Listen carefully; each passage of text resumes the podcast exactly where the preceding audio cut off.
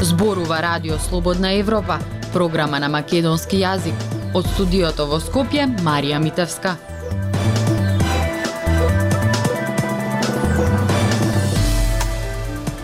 Почитувани гости во неделното интервју на Радио Слободна Европа е председателот на Синдикатот за индустрија, енергетика и рударство Игор Герасов.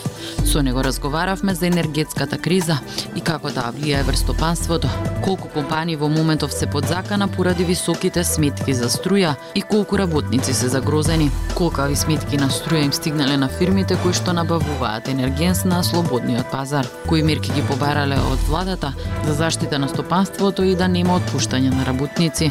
Дали мерките на влада се навремени, имајќи предвид дека веќе има фирми кои што испратиле работници на принуден одмор. Останете со нас. Господине Герасов, по социјално-економскиот совет во владата беше соопштено дека се работи на антикризни мерки за стопанството. Што вие како синдикат конкретно побаравте од владата? Како синдикат, конкретно синдикатот на индустрија, енергетика и рударство на Македонија, испорачавме барања да може владата во овој тежок период да ги субвенционира оние наши компании кои се најмногу погодени од енергетската криза. А, беше кажано дека ќе се одржи уште еден состанок наредната среда, па во текст сме во исчекување за овие веќе да кажам 6 дена да видиме какви мерки може да да преземе владата заедно со нас да ги да се подпомогнат овие компании да го преживеат овој енергетски колапс, да кажам. Дали добивте некакво уверение дека компаниите кои што се на слободниот пазар на струја ќе добијат а, цени на струја пониска од берзанската со цел да обстојат и да не отпуштаат работници?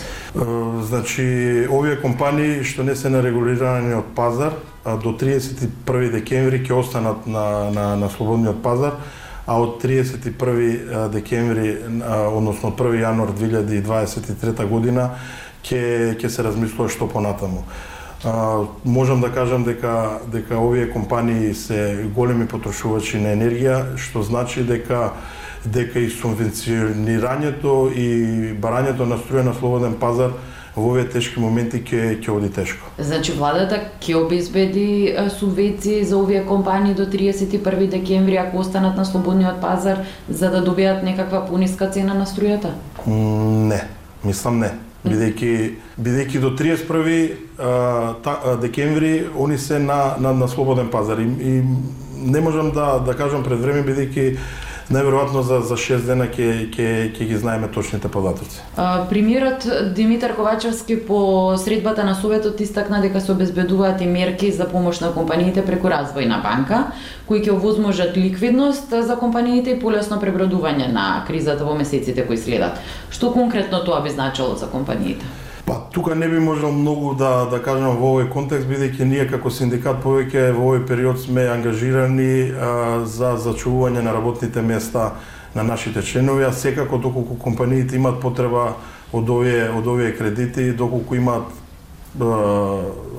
побарување, односно и доколку можат да ги да ги да ги издржат тие тие барања, односно тие кредити да ги земат да пребродат кризата, секако ние како како синдикат доколку не прашаат нас ќе ги поддржиме тие тие мерки, но пак да кажам ние повеќе го гледаме социјалниот аспект за нашите вработени и мислиме дека дека треба да се насочиме кон тоа. А, колку компании во моментов се загрозени и колку работници? А, во моментот а, на принуден одмор се се две компании од нашиот сектор онаму каде што сме ние синдикално застапени, тоа е Euronickel Industry, со околу 850 вработени и рудникот за бакари и злато Боров дол Бучим Радовиш. Таму се некаде околу 730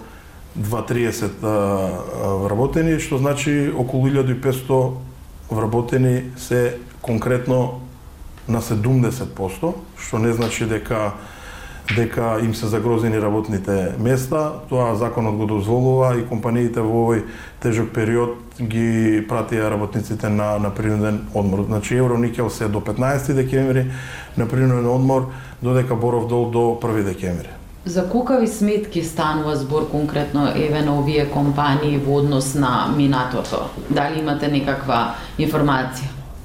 Да, значи најинтересен податок и најголеми најголема цифра за, за сметка на струја секако Евроникел компани со оваа цена на струја доколку Евроникел работи во полн капацитет на, на само за еден час би би трошело околу 40.000 евра од страна на менеджментот и на сите предпоставени во компанијата беше кажано во на состанокот кој го имавме дека тоа е економско неисплатливо.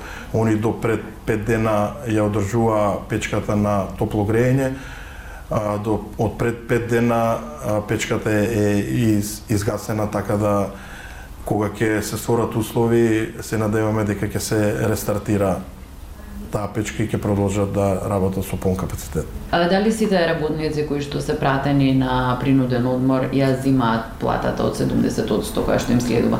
Да, да, значи ние во тој аспект сме сме сигурни ја зимаат ја зимаат таа плата и бидејќи имаме во тие компании подпишано колективни договори што имаме наши загарантирани права и од страна на работодавач што се се почитуваат во целост така да немаме проблем околу околу тој аспект. А, според колективните договори кои што ги имаат работниците, за колкава сума конкретно станува збор? А, значи, работниците кои се упатени на принуден одмор, 70% од неговата просечна плата во изминатите 12 месеци што мислиме дека дека тоа е еден добар бенефит за за нашите членови никој не го посакува тоа или таа мерка што е пропишана и со закони со колективен договор, но сепак еве постојат и вакви кризни а, периоди а, и нашите работници се заштитени од тој аспект максимално како што пропишува и колективниот договор и законот за работни односи. Воедно сакам и да упатам апел, а, еве ова е еден добар а, а, потик или а, а, добро добро правило за оние вработени каде што не се синдикално организирани, да, да се организираат, да пристапат до нашите синдикални организации и да можеме ние како синдикат еве на индустрија, енергетика и рударство конкретно и за во другите гранки,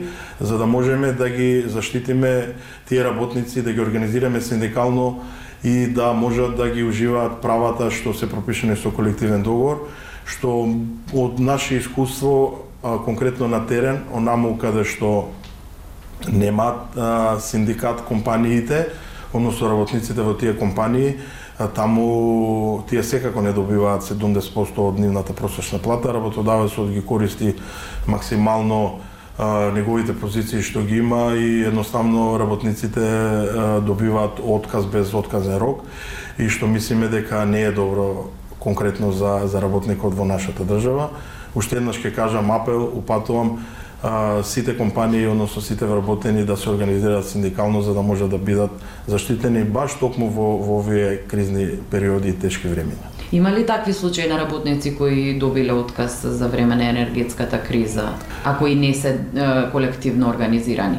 Па да, на нашата нашата апликација електронска апликација на на на, на ССМ на Сојузот на синдикати на Македонија секојдневно пристигнуваат анонимни пријави од од вработени во компании каде што им се прекрашуваат тие права и едноставно им се откажуваат договорите без отказен рок и без без да кажам некоја доволна причина и слободно можам да кажам дека им се прекашуваат работничките права во тој дел.